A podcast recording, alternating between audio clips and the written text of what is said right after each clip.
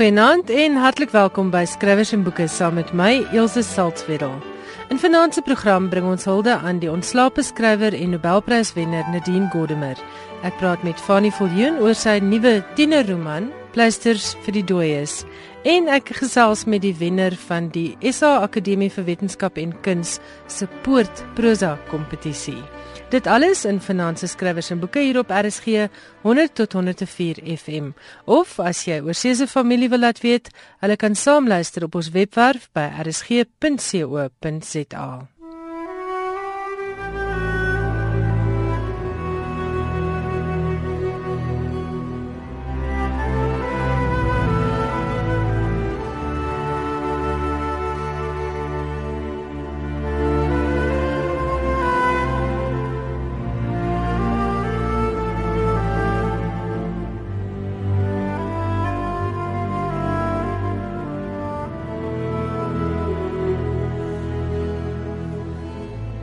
Een van Suid-Afrika se bekendste skrywers, Nadine Gordimer, is verlede Sondag in die ouderdom van 90 jaar en 'n paar maande oorlede. Gordimer sou op 20 September haar 91ste verjaarsdag gevier het. Sy is in Springs aan die Oosrand gebore, die dogter van twee Joodse immigrante. Haar pa, Isidore Gordimer, was maar 13 jaar oud toe hy uit Latwië na Suid-Afrika gekom het. Hy het letterlik 4 of 5 Engelse woorde geken, maar het in Suid-Afrika Afrikaans en Engels en Vanagalo vlot en aksentloos leer praat. Godimer se ma, Hanna of Nan Myers, was eweneens 'n groot invloed op haar dogter. Sy het besluit dat Godimer op die ouderdom van 11 uit die skool uitgehaal moet word en deur privaat tutors onderrig moes word, skynbaar weens 'n hartdefek Tog is dit ironies dat Godimer byna 91 jaar oud geword het met hierdie einste hart. Godimer het haar ma tot diep in haar 50's verwyd oor haar eensame kinderlewe en hulle het eers kort voor die ouer vrou se dood vrede gemaak. Maar ironies genoeg was dit juis hierdie eensame kinderlewe wat veroorsaak het dat sy haar na die Springs biblioteek gewend het vir vermaak en afleiding. Boeke het haar vriende geword en sy was baie jonk toe sy al Tolstoy en Dostojewski gelees het en 'n skrywer is gebore. Sy was die eerste Suid-Afrikaner wat met die Nobelprys vereer is en die eerste vrou wat dit in 25 jaar gewen het. Ek het vir Johan Meiber gevra om vir ons net 'n klein huldeblyk oor Godimer saam te stel.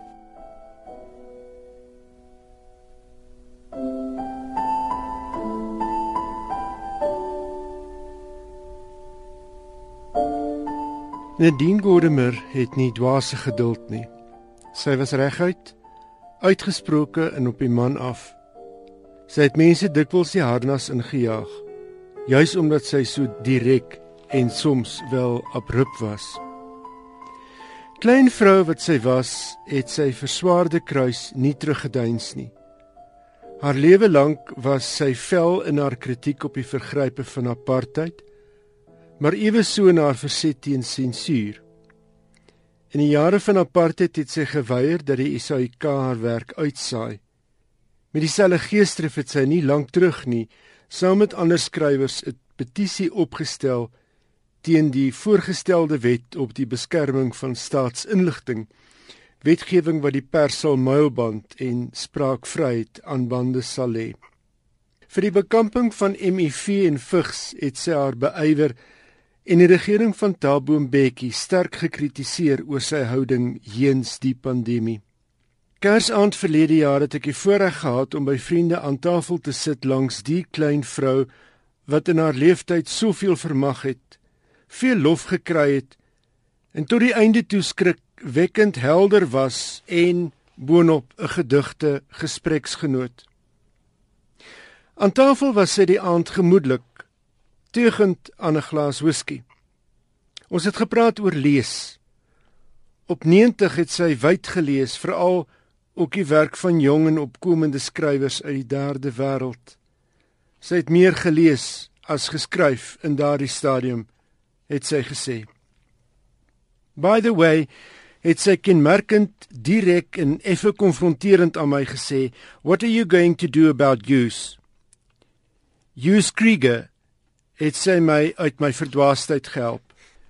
Ek begin toe verduidelik van die belangrike plek wat Uyskriege in die letterkunde inneem, maar sy het haar kop bly skud. Oor wie die you was, het ek lank agterna bly dink. In 1946 het Kriege haar kortverhaal Music Teacher gepubliseer in Vandag, 'n letterkunde tydskrif waarvan hy en Erard Planje die redakteurs was. Dit was op Kriege se aanbeveling dat sy van haar kortverhale gestuur het na The New Yorker. In 1950 het The New Yorker haar A Watcher of the Dead gepubliseer en haar werk bekend gestel aan lesers wêreldwyd. Ek sal hom ewig dankbaar wees, het sy die aand gesê, dat hy my werk geglo het en my aangemoedig het. Wat 'n wonderlike man en vriend was hy nie.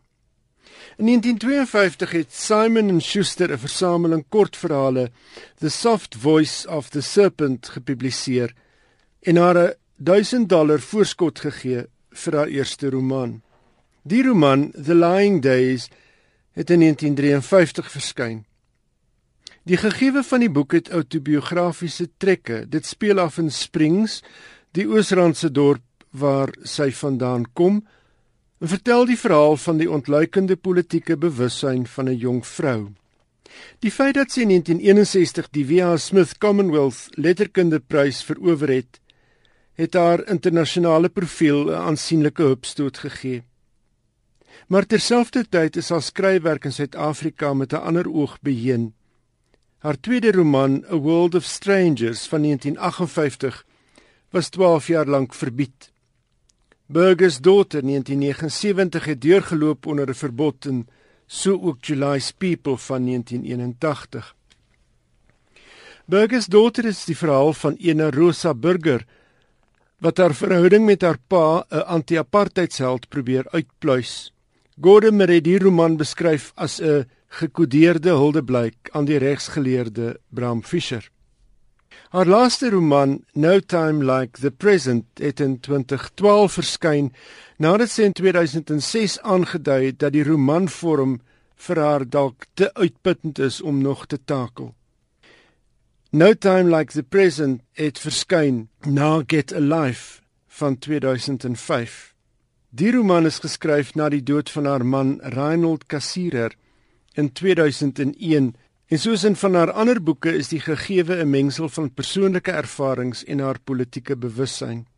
Die verhaal is die van 'n ouer wordende ekoloog wat aan 'n terminale siekte ly en terselfdertyd die oprigting van 'n kernaanleg probeer beveg. Godemer en Kassirer was byna 60 jaar lank getroud. Hulle het een seun, 'n rolprentmaker wat in die FSA woon. Uit 'n kortstondige eerste huwelik in die laat 40's het sy een dogter. Die langpryse en vorms van erkenning wat Gordemir vir haar skryfwerk gekry het, is lank. Dit sluit in die Booker-prys vir The Conservationist 1974, die Commonwealth-prys vir The Pickup van 2002 en natuurlik die Nobelprys vir letterkunde in 1991. Een van die wonderlikste goed wat Gordemir gedoen het, was om die Nadine Gordimer lesings by Wits te begin. Met die geleenthede wat oop was vir die publiek, het sy die verhoog gedeel met vooraanstaande denkers en skrywers soos Susan Sontag, Amartya Sen en Carlos Fuentes. Swaarde het Gordimer met mening gekruis wanneer sy dit gedoen het. In 2006 het Ronald Suresh Roberts sy biografie oor Gordimer No Cold Kitchen gepubliseer. Gordimer het Roberts aanvanklik toegang gegee tot haar persoonlike dokumente op die voorwaarde dat sy die manuskrip kan deurgaan voor publikasie. Die twee het 'n taamlike uitval gehad en Gordimer het haar van die biografie gedistansieer. En dan was daar die onverkwikkelike episode tussen Gordimer en James Coetzee in 1989 toe die Congress of South African Writers COSO sy uitnodiging aan Salman Rushdie om die land te besoek teruggetrek het. Dit was nadat die Ayatollah Khomeini 'n fatwa teen Rushdie oor die publikasie van sy boek The Satanic Verses uitgespreek het. COSO het aangevoer hulle kon nie Rushdie se veiligheid tydens sy besoek waarborg nie. Gordon het Kouso se standpunt verdedig en aangevoer Geen boek ter wêreld was die verlies van een mens se lewe werd nie. Coetzee het in reaksie gesê dat fundamentaliste nie vertrou kan word nie, juis omdat hulle glo daar behoort net een boek in die wêreld te wees. Uiteenlopende opinies was dit, soos wat daar steeds ook uiteenlopende opinies is oor die skryfwerk van Nadine Gordimer. Verloop van tyd sal eindelik die skrywer se plek in die wêreldletterkunde bepaal, soos dit gebeur met alle kunstenaars. En baie dankie. Ek het gister 'n baie interessante artikel in die Sunday Times gelees. Eindelik twee artikels, twee baie uiteenlopende opinies. Die een artikel is geskryf deur Chris Barron onder die opskrif A Struggle Writer Hard to Read and Harder to Ignore. Hy maak ook groot gewag dan nou van die risie tussen haar en en James Coetzee. En haar presiese woorde was oor Salman Rushdie uh should I have let him come and perhaps be killed? In dit is tog eintlik baie waar nê wat sy gesê dat geen boek ter wêreld is iemand se dood werd nie. Baron brei heelwat uit oor haar verhouding met James Coetzee daarna en sy het toe nou blykbaar vir hom 'n lys met kritiek teen disgrace gestuur en daarvan was hy vet in die vuur tussen hulle twee En daar was nooit baie vet voorheen gewees nie. maar dit was nou in die vuur. En sy sy het toe gesê sy dink nie hy weeg vreeslik op as 'n uh, ernstige letterkundige nie. En dan skryf Baron hier haal hy dan nou vir aan en en hy sê I don't think any of us who are serious writers in South Africa are widely read. Waarvan Baron nou verskil want hy sê James Coetzee is is wyd verkoop. Dit was vir my baie interessant om te lees dat daar 'n denkskool is wat sê hulle het moeilik gelees aan haar werk want dit het meer soos 'n politieke pamflet gelees as soos letterkunde. En selfs Ellen Payton het gesê, mm. I cannot remember experiencing any emotion while reading anything she has written. Mm. Maar dat sy 'n belangrike rol in die politiek gespeel het en in die vryheidsstryd en in die oopmaak van die letterkunde vir ander stemme so. is ongelooflik so. waar. Inderdaad so. Kort na haar dood weet ek nie of dit heeltemal nou die plek is om hierdie gesprek op 'n spits te dryf nie, hierdie hierdie uiteenlopendheid, maar dat die uiteenlopendheid bestaan, gewis wel. En dat sy uitgesproke was oor haar eie werk en dat sy kritiek daarteen kwaliek geduld het of op 'n baie direkte manier afgemaak het. Dit is ook duidelik dat baie mense skrikkerig was vir haar. Dit is ook duidelik om jou twee voorbeelde van Gordimer en Coetzee te gebruik. Ek dink met die tyd saam sal dit blyk watter een die groter skrywer was. Ja, en wat vir my wonderlik was, jy het verwys na die biografie waarvan sy haar goedkeuring onttrek het. En in 'n era waar ons bewus is van elke klein detail van 'n celeb se lewe, hmm. was haar opmerking vir my ongelooflik treffend. Sy het gesê lesers het nie die reg om te weet van die privaatlewe van skrywers nie en ek haal haar aan there's no entitlement at all. Dit is nie 'n leser se reg nie. En dit is nou nogal vir my treffend in hierdie era waar ons leef waar wat die mens vir ontbyt gehad het is beskikbaar op Twitter of op Facebook. So ek, ek dink daar's 'n misterie ook rondom Nadine Gordimer wat dalk maak dat sy misverstaan word dit kan moontlik wees. Hoewel ek dalk Peyton se sentiment persoonlik deel, is hierdie laaste opmerking wat jy gemaak het wat sy gesê het van dat dat mense nie reg het op alles van 'n skrywer se lewe nie. Daar stem ek met haar saam. En dan net nog nog iets wat vir my baie interessant was. Luisteraars sal dalk nie almal weet hoe sy ingeskakel het by die ANC nie. Anthony Sampson, 'n Britse joernalis, het Suid-Afrika toe gekom om die redakteur te word van Drum Magazine en hy het haar voorgestel aan Nelson Mandela en dan die joernaliste Ken Temba, Henry Nkumalu en Nat Nkasa. Hmm. Saam met wie sy dan die tydskrif The Classic, 'n letterkundige tydskrif, begin het. Toe word sy na een van Mandela se groot vriende, sy die Rivonia verhoor bygewoon en sy was in die hof toe hy tot 'n lewenslange tronkstraf gefonnis is. Sy en, het ook daardie daardie Revonia toespraak het sy geredigeer. Ja, ja. En dit is hoe haar lewenslange pad met Mandela begin het. Maureen Isaacson was een van die ander twee mense in die Sunday Times wat oor haar geskryf het. En sy beskryf haar as tough, practical, precise and absolutely definite. She defended her ideas, opinions and loyalties fiercely. She knew how to argue and she knew how to listen. I always knew where I stood with her. En was dit ook jou ervaring na die ete saam met haar? Inderdaad so. Ja, ja, ja gewis. Dit is vir my wonderlik dat ons in 'n era leef wat sy help moontlik maak het dat 'n mens vrylik kan sê wat jy dink. Dis met die een wonderlike aspek van Nadine Gordon, maar dis daai uitgesprokenheid um, teen sensuur en om te kan sê. En ook haar kritiek teen die ANC is opvallend want sy het in 'n onder, in 'n onlangse onderhoud gesê so onlangs as 2012. Dis reg. We were naive because we focused on removing the apartheid government and never thought deeply enough about what would follow. Hmm. En dan merk die skrywer op her use of we leaves no doubt that she thought of herself primarily as an ANC cadre. Hmm. En dit is dink ek die die nalatenskap van Nadine Gordimer is letterkundig en polities. Daar's ook die voorval met met toe sy die Nobelprys ontvang het in 91, het sy saam met Serote, nie nie afgevaardigde van die land waarvandaan sy kom se regering as gesel nie, maar maar dit was Wally Serote. Ja.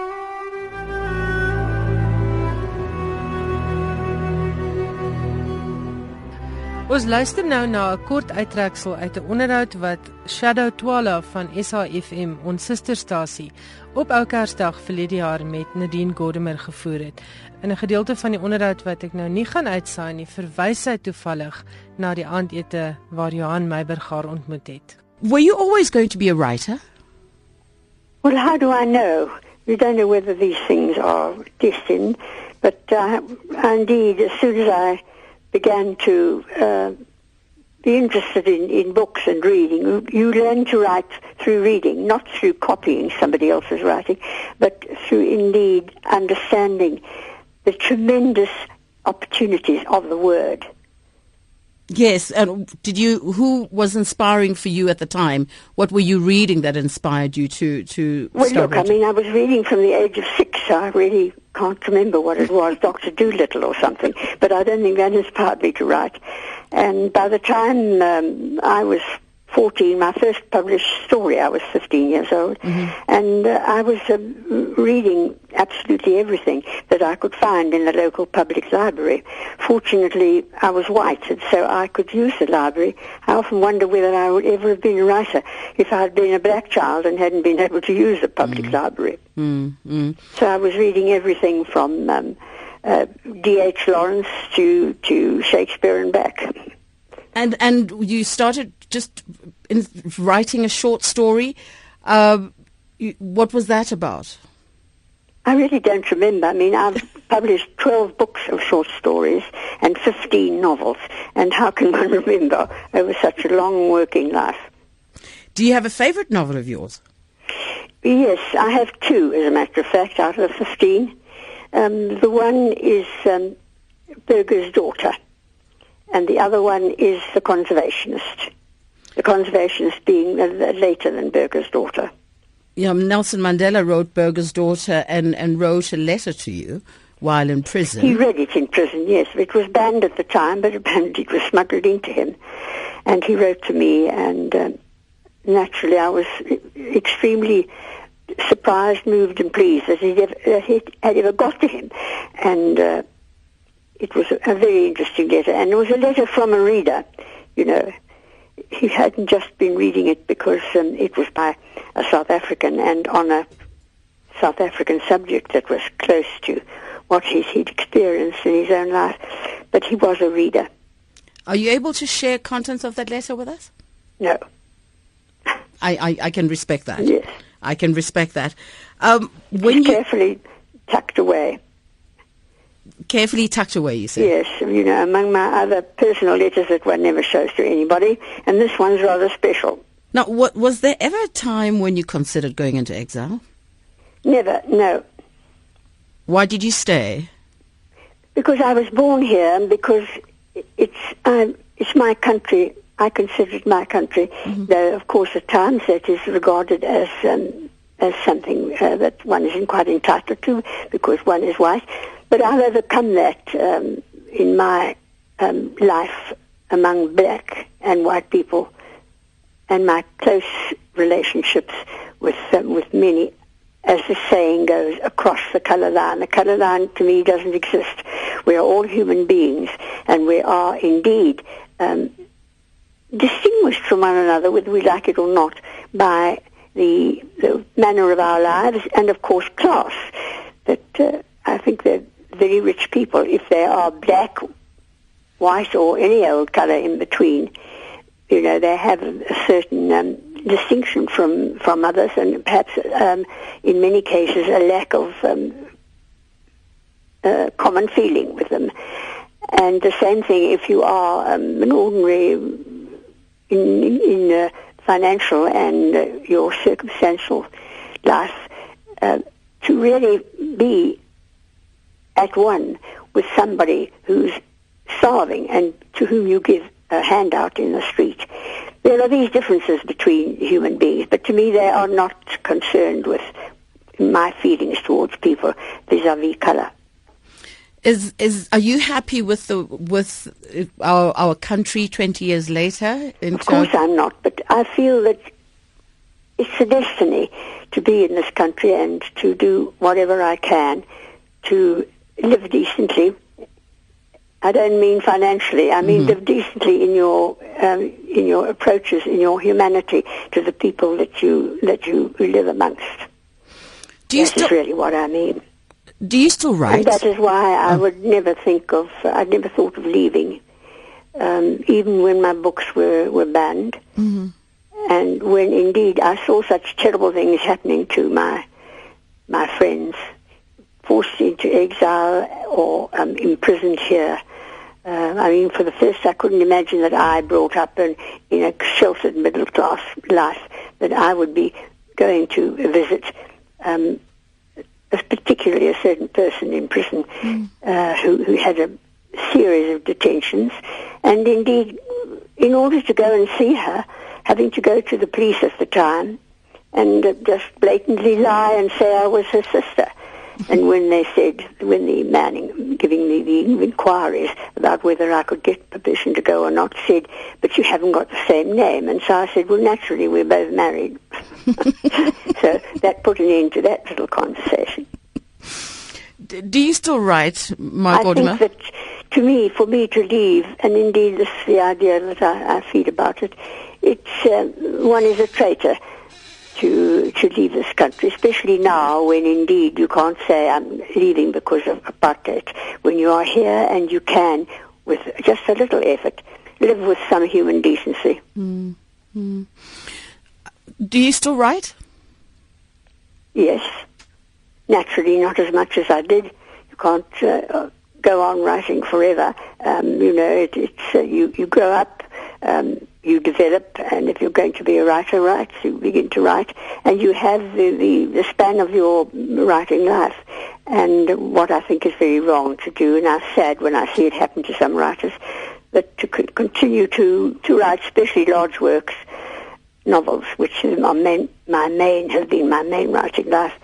To do that when uh, you, you have the power of, um, it's not imagination. You, it's not imagination that makes you write. It's the power of continuing to go in discovery of what life is all about and what people are about.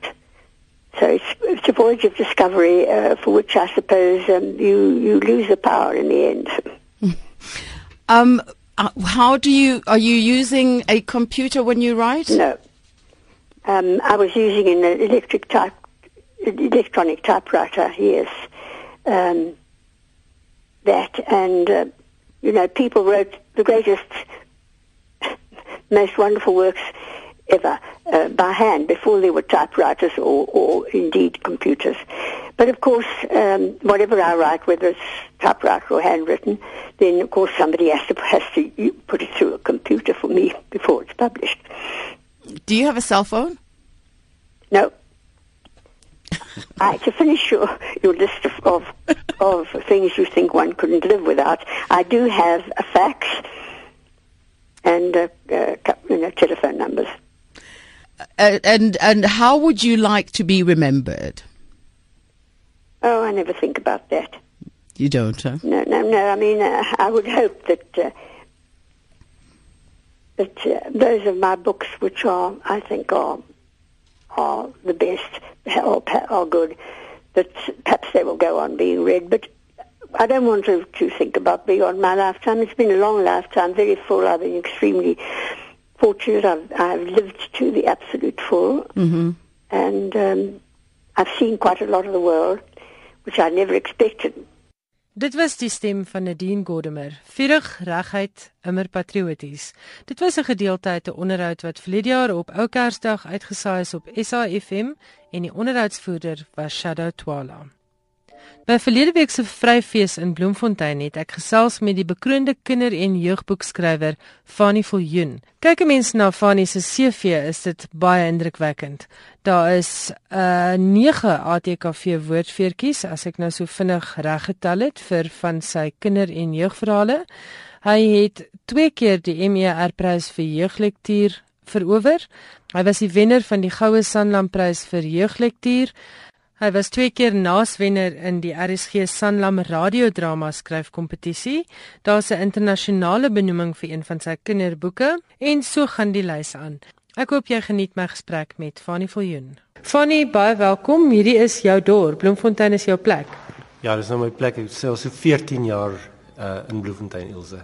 En jy het net of my gesê jou eerste boek Slaim is hier op die Einste Vryfees bekend gestel 10 jaar gelede. Ja, kan nie glo dit nou al so lank uh soveel tyd verloop nie. Die eerste een is Slijm, die wêreld se eerste wurm in 'n paddakonsert. Is is 10 jaar terug hierso bekend gestel. Jy het laat eers 'n skrywer geword. Jy het 'n korporatiewe beroep gehad. Nou, hoe die skryfding gebeur. Ek weet jy's skilder, so jy's kreatief, maar wanneer het jy toe nou besef jy wil skryf? Dit is so tussen die tussen die uh werkery deur gebeur. Ek het by Sanlam gewerk, maar ek het uh ook deeltyds gestudeer by uh, by Unisa en geskilder en geskryf en op 'n manier het die skryfwerk begin oorneem. Ek het vir Jaco Jacobs ontmoet hier so in Bloemfontein en ek het gehoor hy skryf boeke en ek het besluit maar ek gaan nou kyk of ek ook 'n boek kan skryf en ja, dit was die begin, net daai gedagte, daai besluit. Ek gaan probeer om 'n boek te skryf en van daar het 'n hele nuwe wêreld vir my oopgegaan. Na 10 jaar is jy en trek jy nou by boek nommer hoeveel?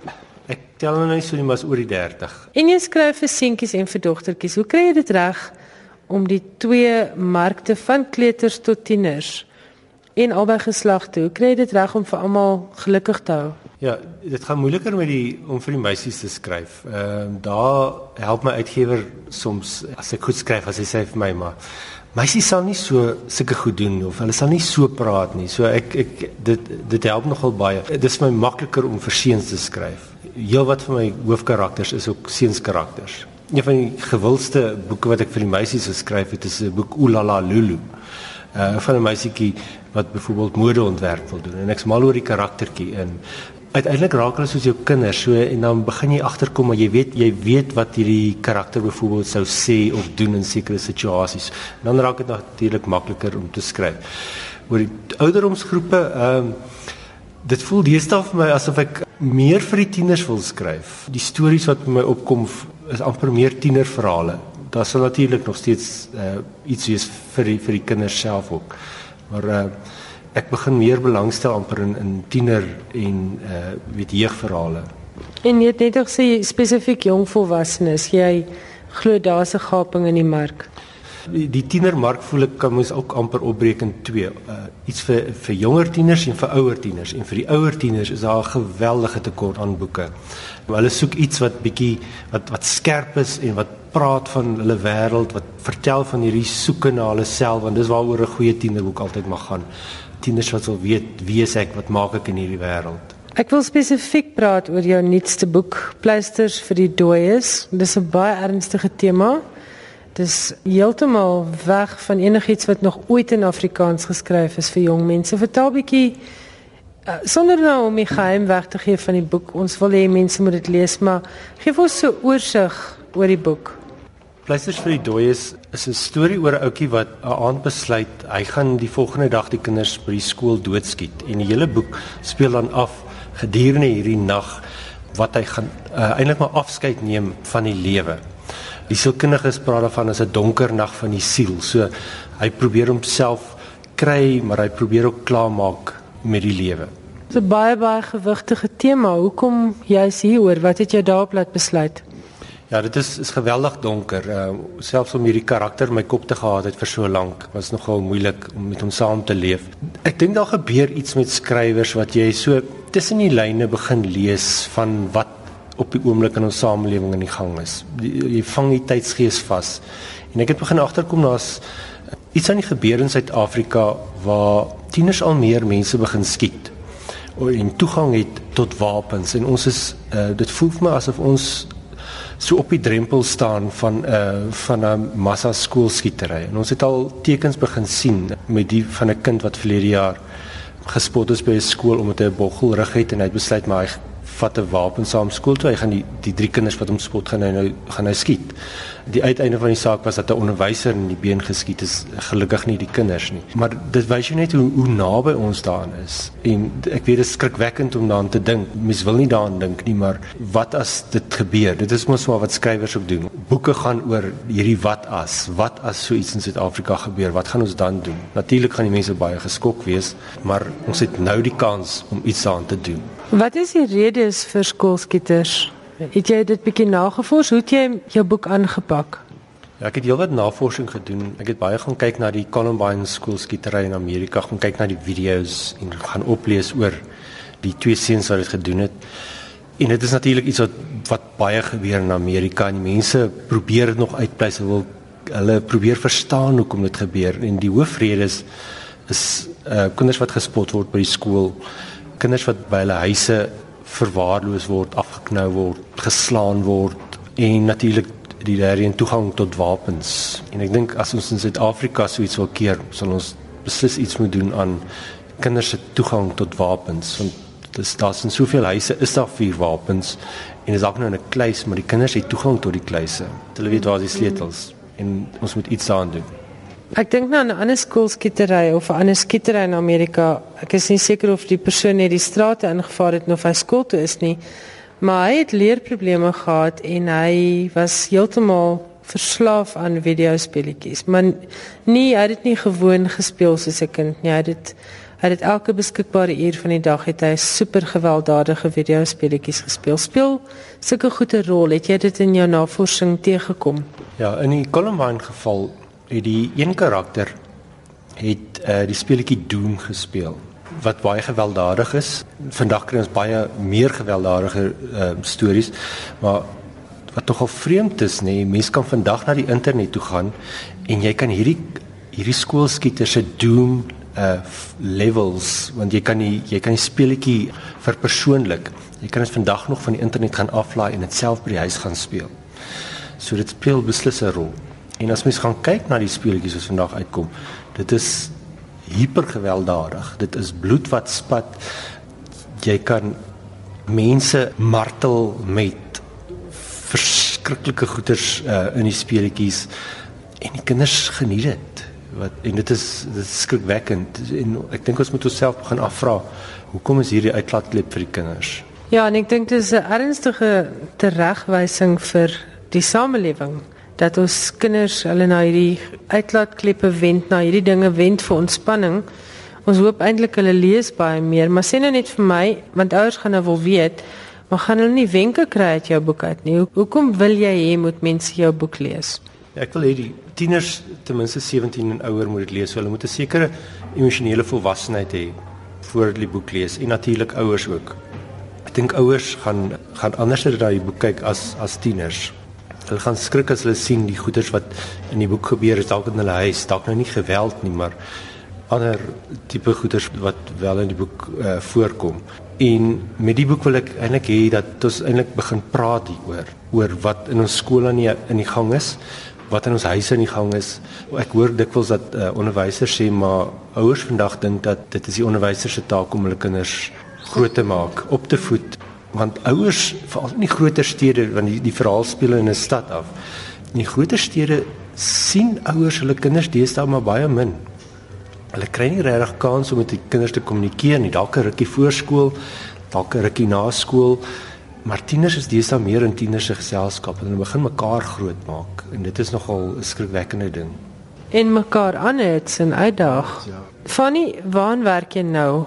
Hierdie is nou, die boek is nou pas op die rakke, 2 weke of so. Wat is nou volgende? Daar's 'n hele paar goedjies wat ek uh, beplan. Ek het onlangs die die tweede draft van 'n volgende tienerboek klaargemaak, maar daar kom hierdie jaar nog 'n 'n tienerverhaal uit en sy naam is Uit en ek werk ook aan 'n volwasse roman. Ek, ek hoop dit sal dit sal uh werk. Dit is dis, hy is nog nie aanvaar nie, so daar's nog 'n bietjie werk aan hom en dalk 'n paar kinderboeke. Ons het ook jong luisteraars wat vanaand luister en almal wil altyd weet hoe word ek 'n skrywer? Watse raad het jy? Watse pad het jy gestap? Jy moet eerstens baie gaan lees en gaan lees die tipe boeke wat jy wil skryf. En gaan lees hulle almal. Gaan lees die boeke wat pryse wen, want dan weet jy hier is 'n goeie boek, maar gaan lees ook die swak boeke en gaan leer daaruit. Nog iets wat jy kan doen, gaan bietjie na boekbekendstellings toe, gaan luister hoe praat skrywers oor hulle boeke gaan woon werkswinkels by. Ek is bietjie later die week by die ATKV se kinderboekskryfskool in Johannesburg. Dit is soos 'n 'n blitskursus in hoe om 'n kinderboek te skryf. En dit is vreeslik vreeslik gewild. So probeer by so iets uitkom. Of as jy meer volwasse boeke wil skryf, gaan uh, na 'n volwasse skryfskool toe. Andersins ja, moet jy ervaring opdoen in die wêreld, nee, jy moet weet waaroor die wêreld gaan. Jy moet be begin besef hoe mense dink, hoe hulle optree, wat motiveer mense, want motivering is 'n groot ding in boeke. En dan die laaste ding, jy moet op jou agterend gaan sit voor 'n rekenaar en jy moet gaan skryf. En dit is alleen werk eintlik om te skryf, maar ehm um, ja, dit dit is, is baie baie bevredigend. En iets wat hulle nie vir jou op skryfskole gewoonlik sê nie is wanneer boeke uitkom, ehm uh, besef jy nie hoe hoe dit die lesers emosioneel gaan raak nie. Ek het dit nooit besef totdat iemand die eerste keer na my toe gekom het en gesê het maar hulle het die boek Breinbliksem gelees en hulle het gehuil nadat hulle dit gelees het. En dit dit skok jou nogal bietjie as 'n skrywer want soos ek sê jy besef nie hoe jy mense emosioneel gaan aanraak met jou boeke nie. En ek het al klaar ook terugvoer gekry oor hier oor pleisters vir die dooies waar iemand vir my gesê het wat deur soortgelyke situasies by by sy ouer huis was jare gelede en dat dit hom ook uh, emosioneel gemaak het. Fanny, dit was baie lekker om met jou te gesels. Dit is Fanny Viljoen van Bloemfontein in Bloemfontein by die Vryfees. Kyk uit vir sy nuwe boek Pleisters vir die Dooies en soos hy gesê, dit is 'n boek vir jong volwassenes. So ons beveel dit aan vir lesers van 17 jaar en ouer. En ons wil hê ouers moet dit lees. Pleisters vir die dooies word uitgegee deur Lapa en is beskikbaar by enige goeie boekwinkel. As jy sukkel om dit in die hande te kry, onthou jy kan aanlyn by Lapa bestel. Klik eenvoudig op www.lapa.co.za. Nog steeds by die Vryfees.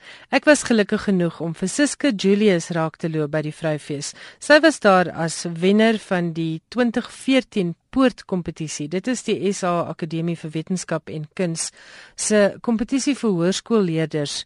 Hulle kan prosa of poesie inskryf en Siske het verlede jaar ook hierdie kompetisie gewen.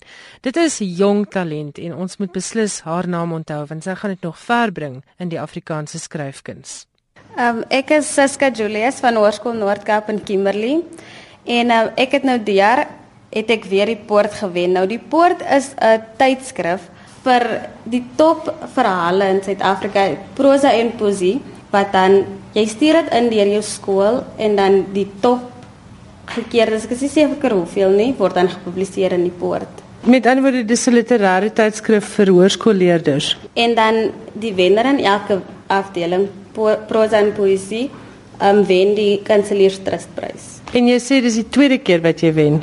Ja, nog dit ek is eerste in geskiedenis van die poort wat twee keer al die kompetisie gewen het. So ek is nogal trots op dit. Ek wil nou vir die luisteraars sê toe, toe Irma Jouberg vir my van Siske vertel en vra of ons tydens Irma se boekpraatjie vir Siske net 'n kans kan gee om dit wat sy vir die poort geskryf het voor te dra was ek heeltemal stom geslaan deur haar talent.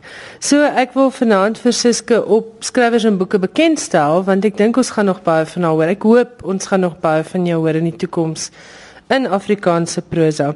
So sal jy vir ons die stukkie wat jy vir Poort geskryf het asseblief voordra. Hierdie meisie het boonop nog drama talent ook. Vertel gou vir ons wat gaan jy volgende jaar studeer? Ek wil volgende jaar op Stellenbosch drama en skryfkuns studeer. Ek is nog nie seker hoe ek dit gaan doen nie, maar dit is sover die plan dan nie. Okay. Goed, Siske, die mikrofoon is joune. Hier slaap jy met een oog oop. Ek is Molly Peers. Here, jy behoort my al te ken. Ek het gister ook met jou gepraat oor dieselfde ding, maar ek weet nie wat is dit met jou nie. Is jou oor ook soos 'n kind se ornamente? Here, jy gee waaragtig vir taksgoed 'n nuwe kar. Hulle kan nie eens 'n mens lief gee in die skadonkie. Nou kom ry hulle weer stywe nek verby 'n mens in die blink een. Maar ek sal hom vergewe, net oorlaat jy vir Judas vergewe. 'n Wrok is 'n seer ding om te koester. Here, vanaand sit ek maar weer my gaslampie op uitsaai. Ja. Molly Piers gebruik 'n gaslamp. En dan spog ek nog met hom ook, want jy het gesê 'n mens plaas jou lamp onder 'n mat, Emery. Here, ek leef vanaand hierdie plek van Eldorado Park by jou voete. Hy beteken 'n plek van oorvloed in weelde. Maar is hier waar Salomo sy wysheid sou verkoop vir 'n stukkie brood. Is hier waar Kain kan loop met sy kop omhoog, Here, waar Pontius Pilatus gedierig hande was. My moeder hart wil die aarde met my kaal hande skeer, Here. Want ons kennis is in elemente vasgekeer. Dis mendrecht en dagga en allerlei goed wat in die okkapype gegooi word. Nie eens gepraat van ons meisietjies nie. Ai. Jy kan nie bakvisse op die hoeke loop koop of sommer in jou voorkamer skree. En my jou dien word nou 'n mooi groot ou mytjie. Ek sien hoe draai die koppe. Here, sit daar in 'n boks waar die lewer kan kom skatie. Maar is seker ook ons plig om ons onskuld te verloor. Here, as jy vanaand hier kuier, moet jy slaap met jou Bybel onder jou kussing, jou 10 rand onder jou matras en jou linker oog oop. Ook hierdie regter een want so roep jy diewe aan. Dankie dat jy vir Simon die joppie by die bakkery gegee het. Loop krap tog net hy jong se vingers, laat hulle nie weer loop staan en jikkie. En beloof jy sien my kerelklong, want jy weet hoe dit gevoel toe die wêreld katterig was met jou kerelklong. En bring die lig wat jy in Jesaja 60 beloof. Daar is donkerte oor die aarde, duisternis oor die nasie, maar oor jou skyn die Here se lig. Ek dink as kom ek jou nog nie gehoor nie. Loop sê dit daar. Vader, as jy my met daai vers vir 'n wan gevat het, praat ek nie weer met jou nie. Dankie vir die gesondheid. Die oogies blink en die ore kan nog hoor. O ja, en dankie vir die sakkie melk. Amen. Suska, dis pragtig. Waar kom die storie vandaan? Waar het jy hierdie idee gekry? Ehm um, ek is van Namakwaland Springbok en dis maar daar hoe die mense praat. Ek ek het eendag 'n uh, op so 'n recording gehoor van 'n vrou wat bid en ek het nogal gehou van die idee. En toe steel ek die idee en verder was dit maar eksamenstres op daai oomblik want dit was vraag deel 3 en ek moet nou 'n storie skryf en toe skryf ek kom maar net. Ek sien hom nou weer vir die eerste na dit so. Waar kom jou liefde vir Afrikaans en Afrikaanse prosa vandaan? My ma het altyd vir ons soos klein was hierdie gediggies opgesê voor ons gaan slaap en later net boeke gekoop en ek dink dit is 'n groot invloed wat my ma gehad het op ons. Ek en my sussie altyd skryf en my ma het vir ons geleer om te lees en ek kon net nie wag om te kan lees toe ek toe ek in graad R was het ek altyd vir die kinders gejokke kan lees en het ek vir hulle hierdie prentjie boeke gewys en my eie kop se stories gepraat en toe glo hulle almal ek kan lees maar ek kon eintlik nie maar ek dink dit het daar begin met my ma se liefde vir Afrikaans en toe gaan dit oor na ons toe En wat lees jy graag? Het jy gunsteling skrywers? Ek het nie 'n sekere gunsteling skrywer nie, maar ek hou van Antjie Krog. Ek hou van dit maar tipies Breiten Breitenberg en Marita Martens en dis maar so ironies. Almal van ons hou seker maar van hulle. Ek lees maar oor die algemeen enige iets wat my ma vir my koop of boek wat sy by die tannie by die werk kry of wat ook al kan kry om te lees. Ek het gesels met Siska Julius van Kimberley, die wenner van vanjaar se poort skryfkompetisie. En daarmee het die tyd ons nou ingehaal. Dit is die einde van Finansies Skrywers en Boeke. Ek hoop jy het lekker saam geluister.